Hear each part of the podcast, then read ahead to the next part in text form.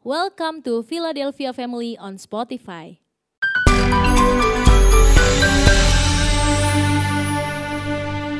Haleluya, shalom. Mari boleh angkat tanganmu, shalom. Tuhan Yesus baik untuk kita semua, amin. Saudara yang terkasih, ada satu firman Tuhan yang kemarin kita belajar di Solo. Itu tentang announcing to see. Tetapi hari ini saya mau menyampaikan dengan judul yang lain yaitu paradigma mujizat. Jadi judul khotbah hari ini adalah paradigma mujizat. Paradigma itu adalah cara pandang orang terhadap diri dan lingkungannya yang akan mempengaruhinya dalam berpikir, bersikap, dan bertingkah laku. Jadi saya tidak akan mengajak saudara hanya melihat saja, tetapi saya berdoa kepada Tuhan supaya Tuhan sungguh-sungguh membukakan mata saudara, sehingga engkau dapat melihat sesuatu dan itu menjadi paradigma dalam hidupmu dan kalau paradigmamu benar, mujizat akan terjadi. Haleluya. Mari kita akan baca Efesus pasal 1 ayat 17 sampai 18. Saya jemput saudara-saudara bangkit berdiri. Efesus 1 ayat 17 sampai dengan ayat yang ke-18. Kita baca bersama 2 3. Dan meminta kepada Allah Tuhan kita Yesus Kristus yaitu Bapa yang mulia itu supaya ia memberikan kepadamu roh hikmat dan wahyu untuk mengenal dia dengan benar. Ayat 18. Dan supaya ia menjadikan mata hatimu terang agar kamu mengerti pengharapan apakah yang terkandung dalam panggilannya.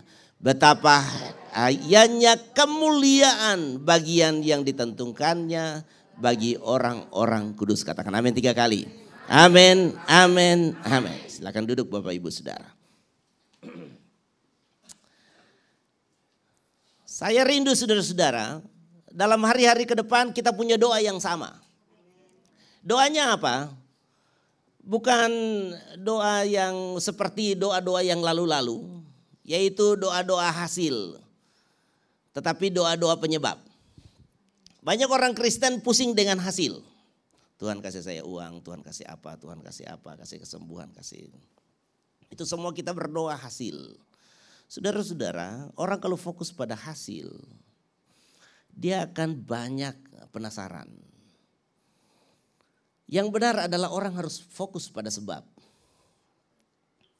Ini ada ungkapan yang populer sekarang ini, Ya, itu biasa perempuan. Cita-cita langsing tetapi hobi makan. Jadi cita-cita langsing tapi hobinya makan. Pikirannya oh saya mau langsing ini pakai baju size S. Gitu kan. Pakai baju size S, perut ndak ada, pipi ndak ada, tangan ndak ada.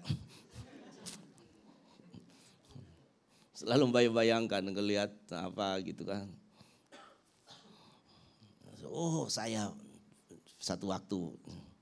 Tapi hobinya makan.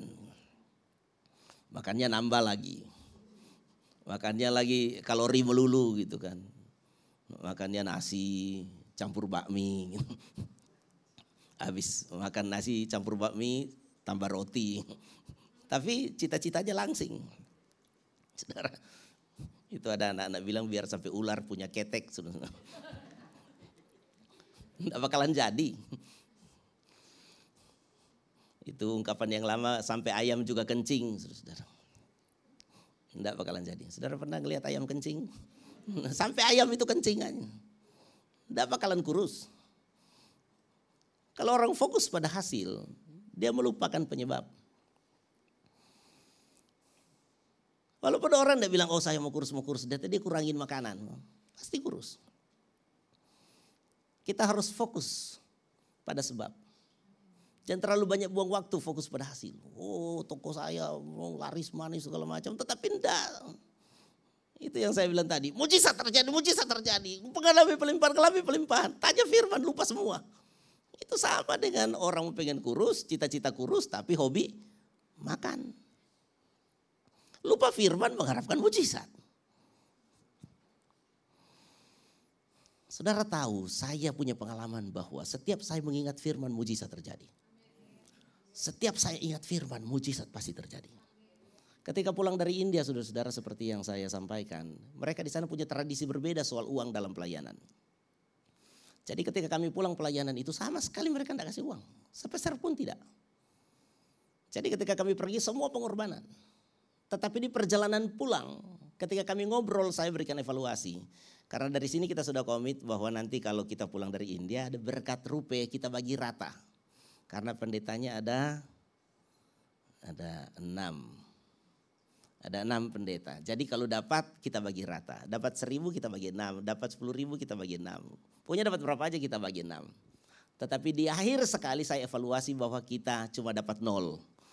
Jadi kalau nol dibagi enam hasilnya tetap nol. Tapi dalam perjalanan saya ngomong begini sama teman-teman. Kita ini hamba Tuhan, kita full timer, kita hidup dari pelayanan kita. Dan hari ini Tuhan tidak izinkan kita mendapatkan berkat untuk hidup kita dari pelayanan kita yang setiap hari itu. Tapi saya bilang begini, firman Tuhan bilang bahwa setiap orang bekerja itu pasti dapat upah. Setiap orang bekerja itu pasti dapat upah. Jadi saya bilang begini, pasti pelayan di India itu ada upahnya. Cuma Tuhan belum bayar sekarang. Percaya saja, upah itu pasti datang. Nah yang luar biasa kalau begini, kita disuruh Tuhan mengerjakan sebuah proyek. Dan Tuhan bilang pakai uangmu dulu. Gitu. Nah kalau sudah tiba waktunya Tuhan akan bilang begini, oke okay, ini modalnya yang kamu pakai untuk operasional, ini gajimu, dan ini bunganya. Saya ngomong seperti begitu. Saudaraku yang terkasih mengapa? Karena saya ngomong seperti itu. Maka mujizat Tuhan pertama terjadi pada saya yang saya cerita kemarin. Saya pergi ke Jakarta, saya habis khotbah. Kita ngobrol-ngobrol tentang mau beli genset, saudara-saudara. Kita sudah kumpul uang 12 juta, mau beli genset. Tapi tiba-tiba Tuhan menggerakkan seseorang. Dan yang luar biasa genset itu, kayak Tuhan rusakin sedikit. Sehingga dia tidak bisa pakai, pas dengar saya butuh, dia langsung bilang, bilang begini. Nanti saya bawa genset itu ke tukang servis, habis servis, bro ambil dan saya kasih gratis. Jadi kita punya genset sekarang ada di bawah itu, itu gratis. Kita punya uang 12 juta aman. Saya lagi pikir-pikir mau beli apa di gereja. Uh, ganti proyek itu. Mengapa? Karena Tuhan kasih gratis. Saudara yang terkasih, siapa yang hafal firman, siapa yang tahu firman, dia akan menuai lebih dulu. Karena saya yang pertama tahu firman dan saya deklarasikan iman saya karena saya tahu firman. Maka mujizat terjadi lebih dulu sama saya. Mujizat terjadi dulu di gereja kita. Jadi saudara bayangkan kalau saudara nggak ingat firman. Kalau saya nggak ingat firman, saya mulai mengeluh-mengeluh. Bagaimana sih? Ini orang India pelit semua. Sudah tahu-tahu kita dari Indonesia full time semua. Kita mesti mengeluarkan biaya berapa? Ini masa server pun tidak dikasih. Lantas kita mengeluh, mengeluh, mengeluh, mengeluh. Saudara bukan dapat berkat, itu dapat kutuk. Saya hafal betul, jangan mengeluh. Karena Alkitab bilang, Orang Israel mengeluh, mengeluh, mengeluh, mengeluh. Tuhan bunuh mereka. Saya tidak mau di mulut saya ada keluhan. Tidak. Saya mengucapkan firman. Nah saudara-saudara itu adalah uh, pola berpikir yang fokus pada sebab. Bukan pada akibat. Saudaraku yang terkasih, saya rindu saudara-saudara harus mengerti betul sebagai orang Kristen bahwa ada hal-hal yang menjadi penyebab mujizat terjadi dalam hidup saudara. Saudara mengharapkan mujizat, engkau tidak tahu sebabnya. Sekali lagi engkau akan penasaran karena engkau bagaikan seorang perempuan yang bermimpi punya tubuh langsing tetapi hobinya makan. Jangan mimpi.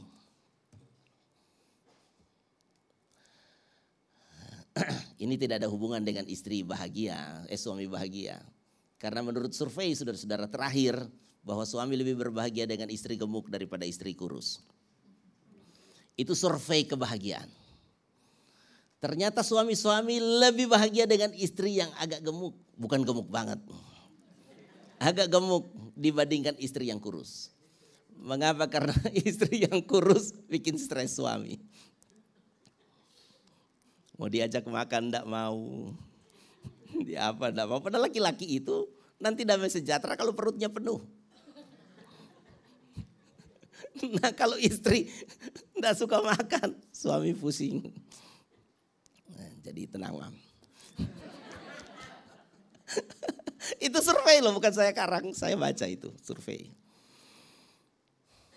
Tetapi saya tidak mau, tidak membicarakan tentang keluarga, enggak. Ini, ini tentang sebab akibat.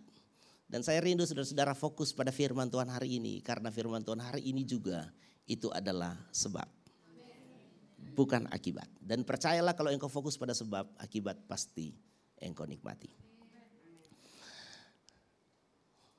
Nah, saudara-saudara ada satu ayat yang akan kita baca. Matius pasal 6 ayat 22 sampai 23. Mata adalah pelita tubuh. Jika matamu baik, teranglah seluruh tubuhmu. Jika matamu jahat, gelaplah seluruh tubuhmu. Jadi jika terang yang ada padamu gelap, betapa gelapnya kegelapan itu. Yesus yang ngomong bahwa mata kita itu punya peran yang sangat penting menentukan keberadaan hidup kita. Cara pandang saudara itu menentukan kehidupan saudara. Paradigma saudara sebagai orang Kristen itu menentukan kehidupan kekristenan saudara. Kalau engkau punya mata yang cemerlang di dalam Tuhan, maka hidupmu cemerlang. Tetapi kalau matamu buram, kabur di dalam Tuhan, maka hidupmu juga akan gelap hari ini dan saya berharap ke depan kita punya doa yang sama. Tuhan tolong supaya mataku terbuka. Supaya mataku terbuka untuk melihat akan rancangan yang ajaib dari Tuhan untuk saya, untuk keluarga saya, untuk gereja ini. Itu penting sekali, saudara. Matamu penting sekali. Matamu penting sekali. Mari kita akan melihat tiga hal penting dalam hubungan dengan cara pandang ini. Yang pertama, mari kita melihat apa yang dilihat Tuhan, bukan apa yang dilihat manusia.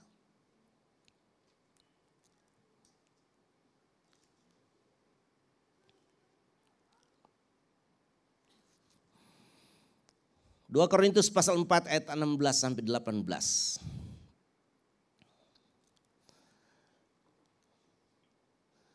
Sebab itu kami tidak tawar hati. Tetapi meskipun manusia lahirnya kami semakin merosot, namun manusia batinnya kami dibaharui dari sehari ke sehari. Saudara harus perhatikan. Kalau engkau melihat selalu kenyataan hidup kita dengan apa yang mampu kita lihat saja, gampang sekali bikin bikin kita tawar hati. Bikin kita tawar hati. Saudara harus mampu melihat apa yang tidak mampu engkau lihat secara jasmania. Engkau harus minta Tuhan membuka mata hatimu supaya engkau dapat melihat apa yang Tuhan lihat untuk hidupmu. Sebab penderitaan ringan yang sekarang ini mengerjakan bagi kami kemuliaan kekal yang melebihi segala-galanya jauh lebih besar daripada penderitaan kami. Haleluya. Ayat 18. Sebab kami tidak memperhatikan yang kelihatan. Melainkan yang tak kelihatan. Karena yang kelihatan adalah sementara. Sedangkan yang tak kelihatan adalah gagal. Di poin ini saudara-saudara ada dua hal penting. Poin yang pertama saudara-saudara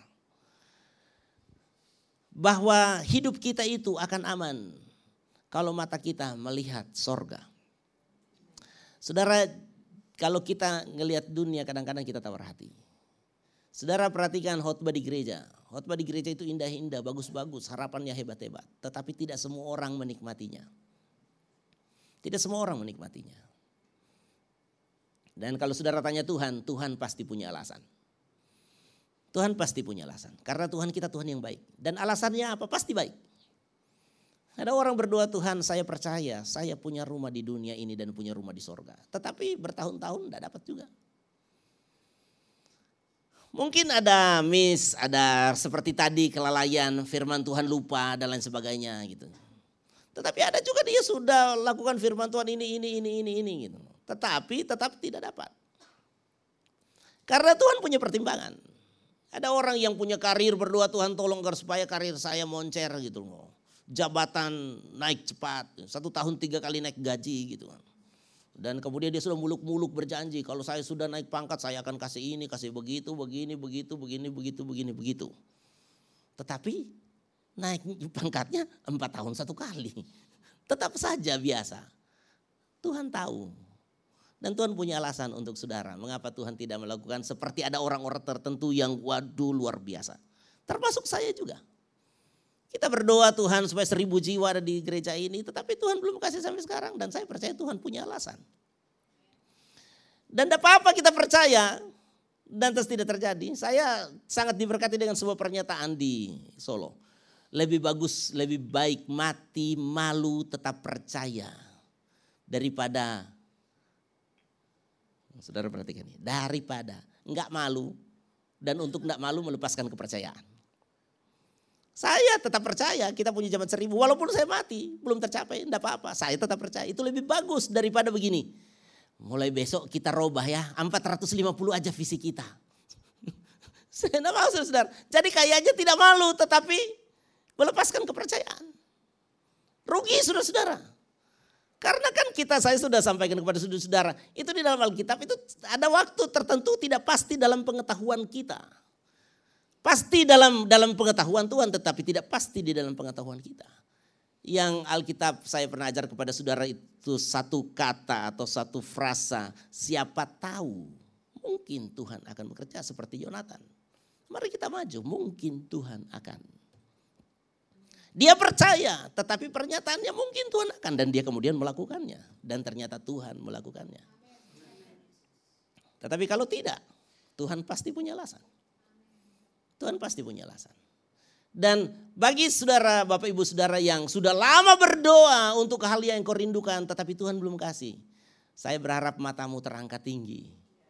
Dan engkau berkata Tuhan sekalipun di dunia aku tidak dapat apa yang aku impikan. Aku percaya di sorga sana aku akan menerimanya. Haleluya.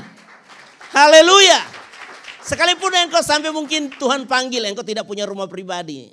Saudara saya berharap sudah tetap bersyukur. Karena di sana engkau punya. Engkau harus lihat di sana. Engkau mungkin sakit-sakitan dan engkau berdoa, Tuhan sembuhkan saya, sembuhkan saya, sembuhkan saya. Tetapi Tuhan tidak sembuhkan.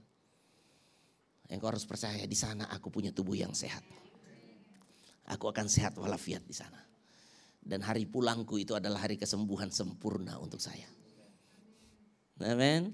Ada memang orang Tuhan izinkan segera sembuh, tetapi ada yang tidak. Tetapi saya berkata kepada saudara, jangan pandang hanya apa yang kelihatan. Mari pandang di sana. Ada harapan yang pasti untuk saudara dan saya. Amin. Tetapi poin yang berikut saudara-saudara itu juga berlaku di dunia ini. Yaitu begini, saudara-saudara kita Jangan membatasi hidup kita dengan apa yang kita lihat. Engkau harus mampu melihat apa yang Tuhan lihat. Sebenarnya bukan apa yang Tuhan lihat, apa yang Tuhan rencanakan di dalam hidup saudara. Tuhan tahu setiap kita bisa mencapai apa. Saya percaya Tuhan tahu tentang saya dan Tuhan tahu saya bisa mencapai apa. Nah saya tidak boleh melihat hanya sebatas saya bisa melihat. Karena kadang-kadang kalau kita melihat-lihat apa yang kelihatan, kita susah. Misalnya saya kasih contoh yang gampang, misalnya bisnis. Kalau kita ngelihat sistem bisnis misalnya orang tertentu atau saudara, oh ini paling tinggi modal yang akan berputar di bisnis dia itu 10M. Tidak mungkin tembus. Fasilitas kurang, skill kurang, orang kurang, pasti cuma di sekitar situ. Tidak bakalan tembus. Sudah selesai. Oh ini jabatan ya paling tinggi manajer. Nah mungkin jadi direktur. Otak juga tidak terlalu bagus gitu. sekolah juga tidak bagus atau apa. Kadang-kadang kemudian kita stop di situ. Oh, memang saya targetnya memang hidup saya sudah begini. Kadang-kadang saya pun berpikir begitu untuk diri saya sendiri. Oh Taufik, Ngana cuma mau mati punya 500 jemaat gitu. Enggak bakalan lebih karena sudah coba-coba puluhan tahun ini juga enggak jadi-jadi. Saudara yang terkasih kadang-kadang kita kemudian menghakimi diri kita sendiri berdasarkan apa yang kita lihat.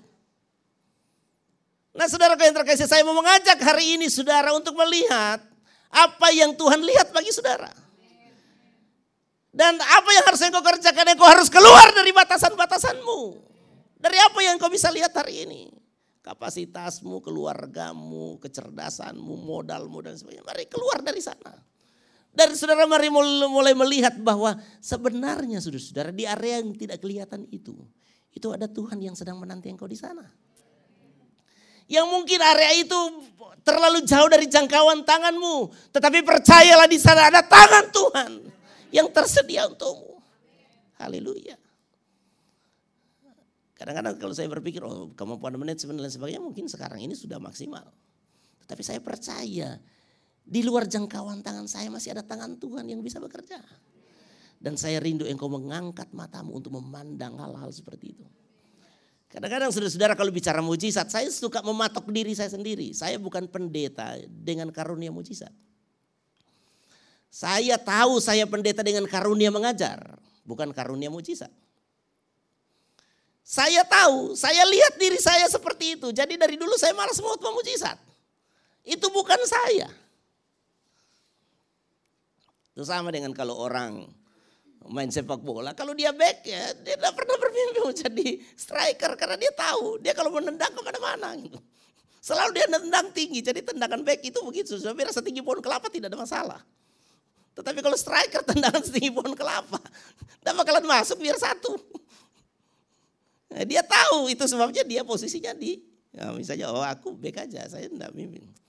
Kalau dia hobinya nangkap bola jangan jadi striker. Bola datang bukan disundul, ditangkap. Nah, dia mesti jadi kiper, saudara. Kadang-kadang saya juga membatasi diri saya seperti itu. Oh kamu bukan bukan punya karunia mujizat, tetapi hari ini saudara-saudara dan waktu-waktu yang lalu Tuhan mulai meneguhkan saya. Bahwa oke Taufik kamu boleh tidak punya karunia mujizat, tetapi yang bikin mujizat itu memang bukan kamu. Yang bikin mujizat itu Tuhan. Amin. Yesus yang melakukannya. Saya cukup percaya baca firman dan mampu melihat apa yang Tuhan sediakan bagi saya.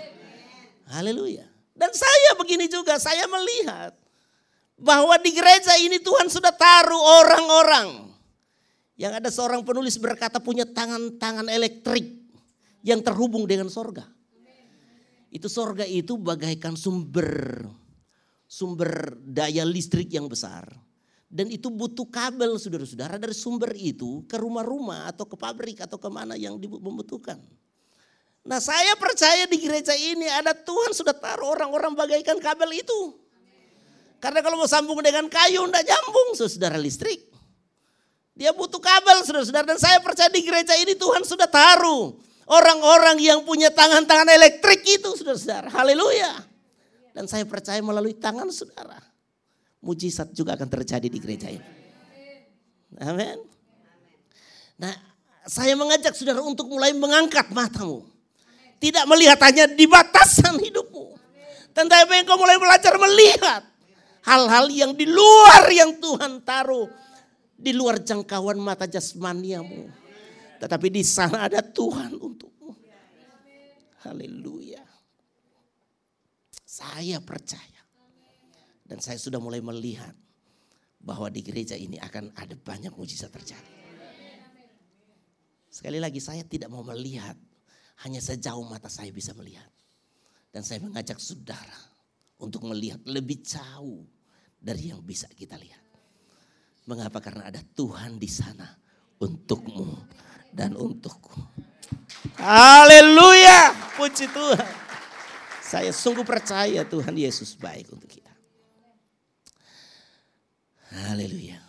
Saudara rindu kita bergerak bersama, amin. Mari kita keluar dari batasan-batasan kita, amin. Ya, kalau sekarang ini kita bagaikan katak di dalam tempurung, mari kita sama-sama buka tempurungnya. Dan kita keluar, kita memandang keluar dari dari tempurung-tempurung kita. Dan percayalah Tuhan mampu membawa kita jauh ke sana. Haleluya. Yang kedua. Ada sebuah statement dari Tuhan Yesus yang luar biasa dalam hubungan dengan dengan ketika kita mampu untuk melihat sesuatu yang luar biasa. Matius pasal 13 ayat yang ke-44.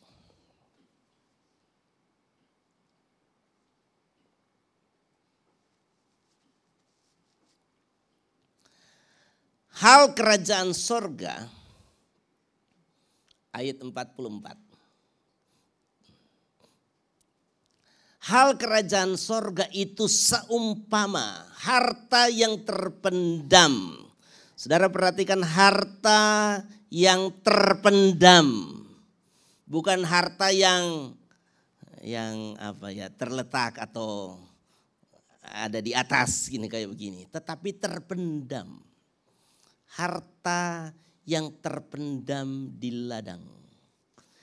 Yang ditemukan orang lalu dipendamkannya lagi. Oleh sebab sukacitanya, pergilah ia menjual seluruh miliknya, lalu membeli ladang itu. Bapak Ibu Saudara, memang start harus dari menemukan sesuatu yang ada di bawah, di luar jangkauan penglihatan. Itu banyak hal-hal yang indah itu itu terpendam saudara-saudara. Bahkan hampir semua yang dipakai ibu-ibu itu di telinga, di mana, di gigi, emas, berlian atau apa gitu. Itu hampir semua terpendam punya saudara-saudara. Tidak ada orang lagi jalan-jalan kemudian eh ada berlian satu.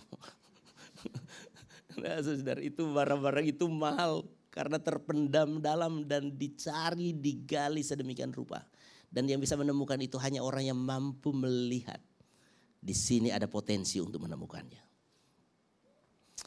Bapak ibu saudara kita berdoa kepada Tuhan supaya kita mampu melihat hal yang terpendam itu. Amin. Mampu melihat apa yang Tuhan siapkan bagi saudara. Di sorga itu ada berkat yang luar biasa yang Tuhan siapkan bagi saudara itu bagaikan hal yang terpendam. Tetapi kita berdoa sungguh-sungguh supaya kita bisa melihatnya. Dan kalau kita sudah melihatnya, ini yang kedua poinnya. Yaitu mari kita rela membayar harga untuk mengambil harta itu. Amin. Kita harus rela bayar harga, saudara-saudara. Saya mau katakan kepada saudara-saudara, mau keluar dari dari dari kehidupanmu sekarang dan meraih yang lebih baik. Saudara tidak boleh hanya diam saja di zona nyamanmu. Tidak bisa. Engkau harus rela untuk keluar dari sana. Saya suka ngobrol sama Fian ini. Soal manajemen toko. Kadang-kadang dia bilang aduh susah om. susah. Mengapa yang dia bayangkan itu mau keluar dari kebiasaannya sekarang ini. Dan memang kita semua begitu. Bukan cuma dia, kita semua begitu mau keluar dari zona kebiasaan hidup kita, sistem kita itu itu tidak mudah saudara-saudara. Kita sudah terbiasa dengan ini. Lantas kita mau keluar dari sini dan merubahnya. Saya ngobrol dengan seorang pendeta kemarin.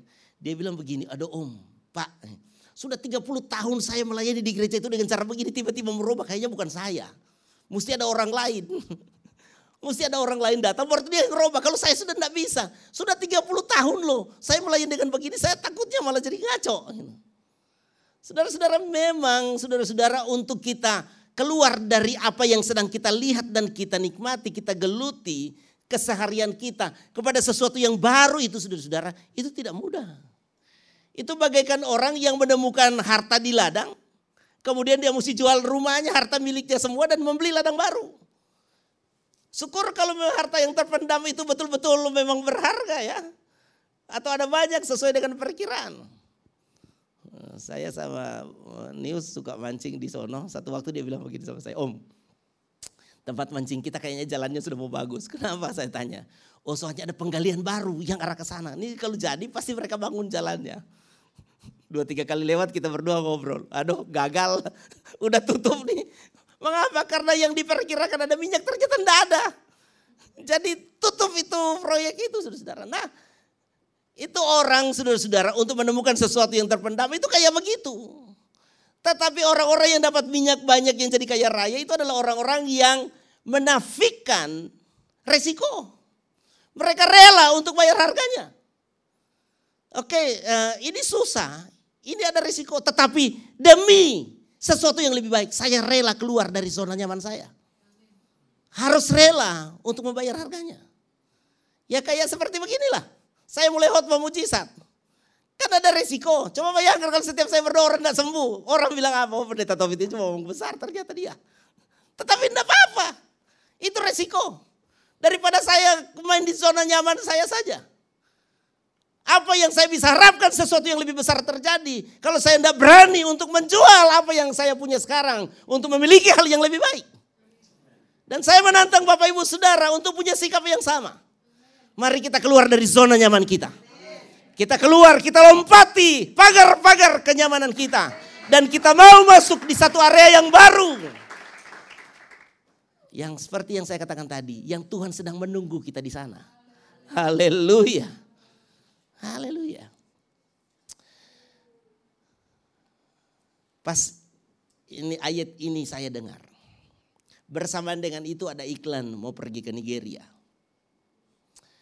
Di Nigeria itu sedang terjadi kebangunan rohani yang dahsyat yang tidak pernah ada duanya. Saudara bayangkan satu gereja punya jemaat sampai 8 sampai 9 juta orang.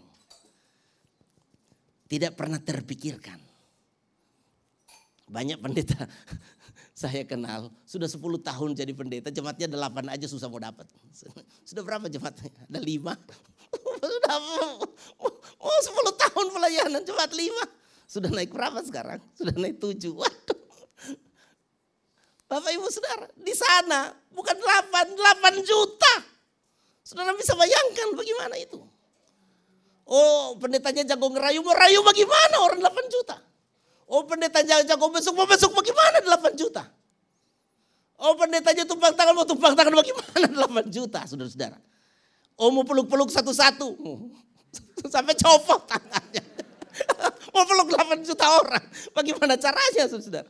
Sedangkan mau jalankan kolekte aja mesti pakai mobil. Saudara, mengapa ini bisa terjadi? Karena roh kudus sedang bekerja luar biasa. Dan saya tiba-tiba punya kerinduan kuat sekali. Oh Tuhan pengen pergi ke sana biar cuma dapat sedikit api. Karena sedikit dari 8 juta itu tetap banyak. sedikit dari 8 juta itu tetap banyak. Saya kan sudah ngomong kepada saudara-saudara beberapa waktu yang lalu bahwa saya punya cita-cita di hari ulang tahun pernikahan ke-25 saya pengen pergi ke Eropa, ke Prancis khususnya karena ketika saya menikah saya punya foto pernikahan itu dibikin latar belakang palsu saudara-saudara. Jadi saya foto di studio tetapi hasilnya saya kayak ada di Prancis. Saya lihat-lihat foto ini, penipuan ini foto ini. Saya foto di studio, ngapain di belakang ada Prancis, ada jembatan. Nah saya mulai waktu itu ada tekad di hati satu waktu kalau Tuhan berkati saya, saya pengen foto di tempat itu benar-benar. Nah saya kemudian Tuhan berkati uang sedikit, sedikit, sedikit, sedikit, sedikit, sedikit, sedikit ngumpul. Ada berkat juga dari mana-mana. Nah saya sudah punya uang mau pergi ke Eropa. Tapi pas dengar Nigeria, saya langsung batalin ke Eropa. Karena kalau mau pergi ke Eropa saya cuma foto-foto. Ke Nigeria saya menangkap apinya. Kita sudah cadangkan tahun depan tahun mujizat. Nah saya cita-cita ke Eropa tidak jambung. Di Eropa sekarang tidak ada mujizat. Yang ada cuma sepak bola. Jadi kalau saya pergi ke Eropa saya cuma melihat kejayaan gereja masa lalu. Tidak akan dapat apa pun dari sana. Tidak ada. Paling cuma status di Facebook orang puji tiga kali dan kemudian terlupakan. Saya kemudian stop untuk pergi ke Eropa. Saya nanti berdoa kalau Tuhan kehendaki tahun depan Tuhan kasih uangnya. Tetapi untuk sekarang Ternyata ke Nigeria itu jauh lebih mahal dari Amerika, saudara-saudara.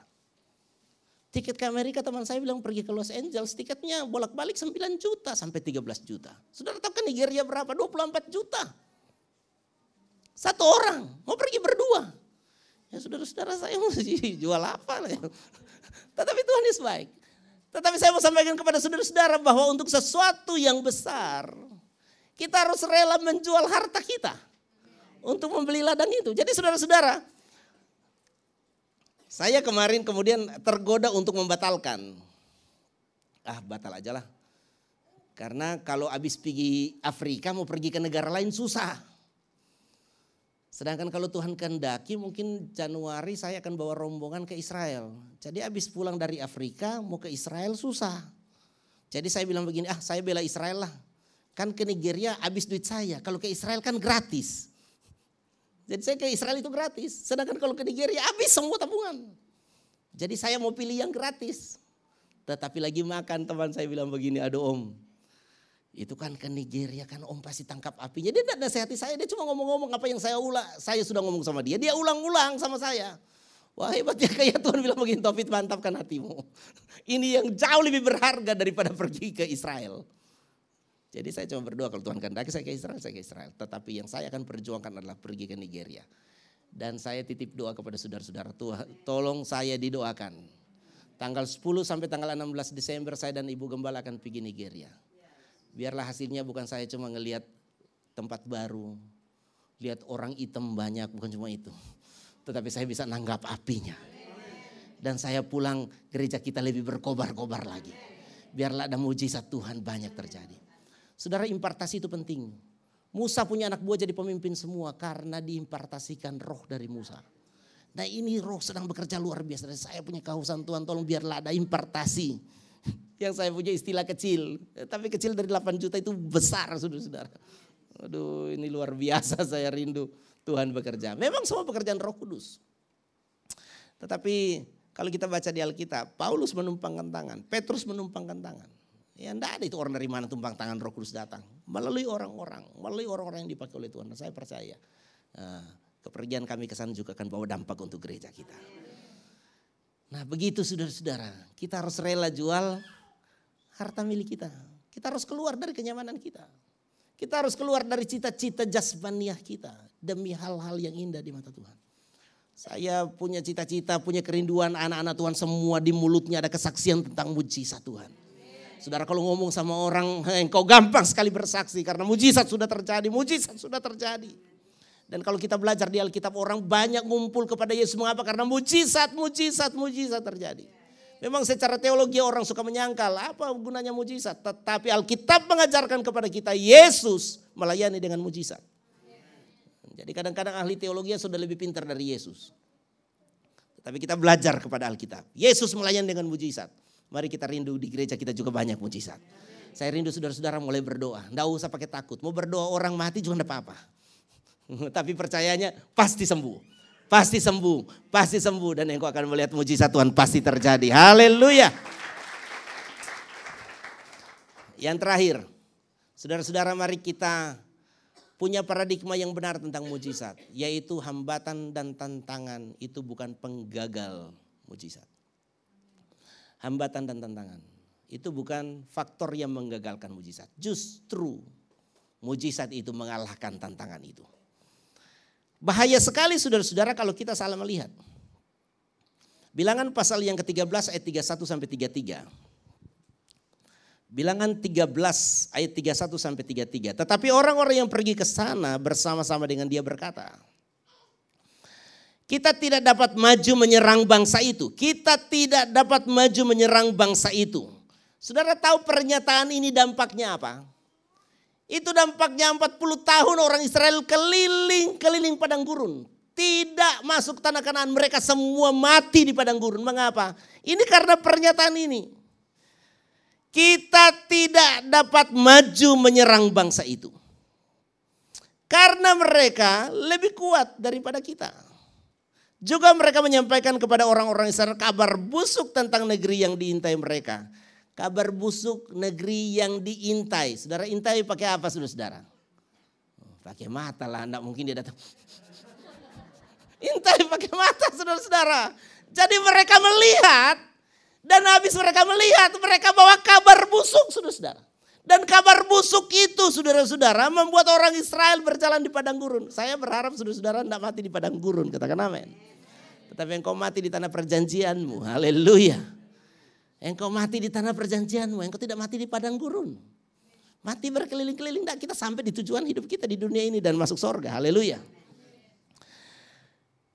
Negeri yang telah kami lalui itu untuk diintai adalah suatu negeri yang memakan penduduknya. Saudara-saudara memang kalau kita salah lihat itu sapi makan rumput kayak sapi makan kita. Gitu. gitu kan. Negeri yang memakan kita.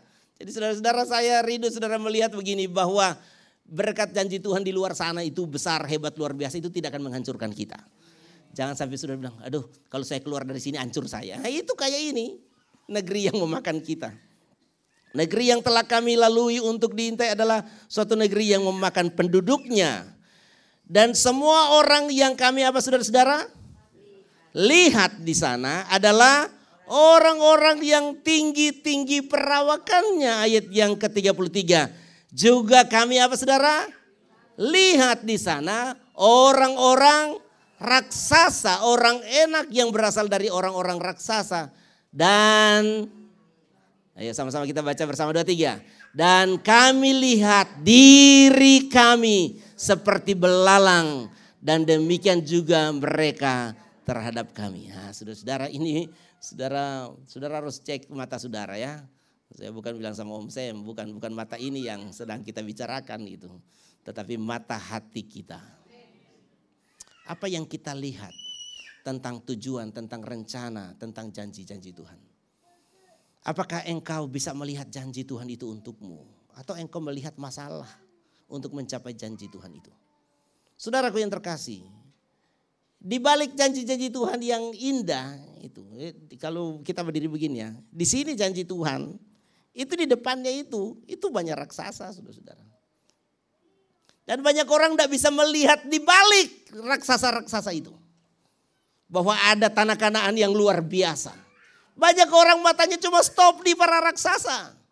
Dan kemudian dia lihat dirinya, saya memang belalang, memang saya tidak bisa. Saya sampaikan kepada saudara-saudara, mari kita mulai belajar melihat visi dari Tuhan, bukan tantangan dalam pencapaian visi itu. Saya sharing kepada saudara tentang gereja resmi kita. Itu raksasa banyak akan menghadang. Tapi saya berharap kita melihat tanah kanaannya. Kita melihat hasilnya. Katakan amin. Percayalah bahwa Tuhan kita Tuhan yang luar biasa. Di balik tantangan ada janji Tuhan. Bahkan begini saudara. Semakin hebat tantangan, semakin hebat berkatnya. Hal-hal yang tantangannya kecil, itu berkatnya juga kecil. Tetapi kalau tantangan besar, itu berkatnya besar. Saudara di dunia tinju, di dunia tinju, seorang ngelawan petinju yang kacang-kacang, petinju ayam sayur ya, petinju receh-receh gitu. Itu itu hadiahnya juga receh-receh. Tetapi kalau berani nantang yang juaranya saudara-saudara, oh besar. Saya sungguh berharap saudara-saudara kita jangan main di kelas receh-receh. Maksudnya receh-receh bukan uang receh, bukan. Jangan kita cuma melihat hal-hal kecil dalam hidup kita. Apalagi kalau saudara orang tua lantas ngelihat anak-anak gitu, waduh ini anak ini mah bakatnya cuma satpam ini. Nah, paling tinggi ini cuma tukang eh, tukang apa gitu, pedagang keliling gitu kan. Jangan, saya tidak menghina pedagang keliling atau tukang apa bukan. Tetapi mari orang-orang tua kita semua yang punya latar belakang yang biasa saja punya cita-cita besar untuk anak-anak kita. Nah, jangan kita bilang begini, wah mama cuma tukang warung, pasti anak juga cuma tukang warung. Enggak, jangan. Kita punya Tuhan yang besar. Mari kita mau melihat hal-hal yang lebih baik untuk mereka, untuk masa depan anak-anak kita. Tetapi saya mengajak saudara untuk mulai dengan saudara sendiri. Jangan lihat tantangannya, lihat janji Tuhannya. Lihat Tuhannya juga yang besar yang sanggup untuk menolong kita. Matius pasal yang ke-14 ayat 30 sampai 31. Ini cerita Petrus. Petrus berjalan di atas air dan kemudian Petrus mulai tenggelam ayatnya ini. Tetapi ketika dirasanya tiupan angin, ini kalau di Alkitab bahasa Indonesia terjemahan baru ketika dirasanya, tetapi dalam semua terjemahan Alkitab bahasa Inggris dia tidak pakai kata dirasa, tetapi dilihat. Ketika dia dia pakai kata so. Ketika Petrus melihat. Jadi saudara yang terkasih, Petrus itu sebelum dia melihat gelombang, dia berjalan di atas air. Apakah gelombang baru datang sesudah dia berjalan di atas air? Tidak. Ketika dia turun dari perahu, itu gelombang tetap sama. Tetapi selama dia memandang Yesus yang menyuruh dia berjalan, dia tetap mengapung di atas air.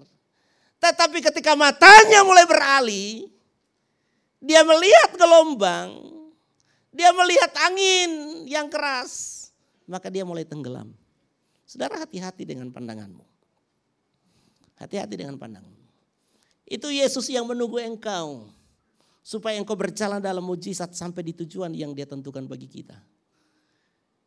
Itu di perjalanan itu saudara-saudara banyak gelombang. Tetapi saya sungguh berharap saudara jangan lihat gelombangnya. Lihat Yesusnya. Haleluya. Lihat Yesusnya. Jadi kalau kita ngomong visi, ngomong rencana yang besar tentang hal-hal yang luar biasa, itu ada gelombangnya, bukan tidak ada. Pas kita turun dari perahu untuk maju, saudara-saudara, itu sudah bergelombang. Tetapi percayalah, selama matamu tertuju kepada Yesus, engkau akan terus berjalan di atas gelombang. Nanti matamu beralih, baru engkau akan tenggelam. Nah saya pesan kepada saudara-saudara, apalagi ini kalau yang sakit-sakit saya sudah nubuatkan, satu waktu Silvi kamu akan lari-lari lagi. Dan saya berharap jangan lemah hati karena hari ini masih lemah. Jangan kemudian bilang begini, tidak mungkin, jangan. Percaya. Baca firman tiap hari. Deklarasikan imanmu. Dan saya senang sekarang dia sudah tidak pakai kursi roda. Sudah jalan ke gereja. Satu waktu yang kau pulih. Dan saya tetap akan percaya. Walaupun kata-kata saya juga tidak jadi. Ini saya ini teori saudara-saudara. Saya lebih bagus malu untuk tetap percaya. Daripada saya, aduh kayaknya enggak deh. Enggak jadi ya om tarik ucapannya. Saudaraku mari kita berhenti untuk malu. Katakan amin. Percaya Tuhan Yesus baik. Percaya Tuhan Yesus sanggup melakukan mujizat. Jangan lihat tantangannya. Lihat Yesusnya yang menjanjikan mujizat bagi saudara. Haleluya. Saya akan akhiri dengan sebuah kisah di dalam Alkitab. Bartimeus, Markus 10 ayat 46 sampai 52. Bartimeus itu buta mata jasmaniahnya. Tetapi mengapa mujizat terjadi? Karena Bartimeus mata hatinya terang benderang. Dia tidak bisa lihat fisik Yesus ketika melintasi di depannya, tidak bisa. Tetapi dia sudah dengar firman Tuhan. Dia sudah dengar berita tentang Yesus. Dia sudah mendengar apa yang Yesus bisa kerjakan. Dan itu masuk di dalam hatinya. Dan kemudian mata hatinya terbuka. Dia sudah menanti-nantikan kalau ada orang yang bernama Yesus itu lewat di depan saya. Saya tahu harapan saya akan jadi kenyataan. Haleluya. Saya tahu di dalam Yesus itu ada kuasa yang sanggup membukakan mata saya yang buta. Dia punya iman. Dia mampu melihat ini, saudara. Jadi dia mata buta, tetapi mata hatinya tidak buta. Masih lebih bagus mata kabur jasmani. Tapi mata hatinya terang daripada mata melotot, mata hatinya kabur. Amin. Di sini kan kebanyakan mata saya juga kaget ini om tiba-tiba kenapa sudah kayak bajak laut ya. Mungkin karena bekas pelaut atau apa. Tapi tidak masalah soal mata jasmani. Tidak masalah soal mata jasmani. Yang penting mata hatimu. Karena dari sana mujizat akan terjadi. Saya rindu berdoa saudara supaya mata hatimu terbuka. Kalau mata hatimu sudah terbuka dan engkau bisa melihat pengharapan apa yang Tuhan tetapkan bagi saudara. Maka mata jasmaniamu juga akan terbuka. Engkau akan melihat jalan-jalan yang baru terbuka. Dan engkau akan melihat pertolongan Tuhan nyata bagi saudara. Mari kita semua bangkit berdiri.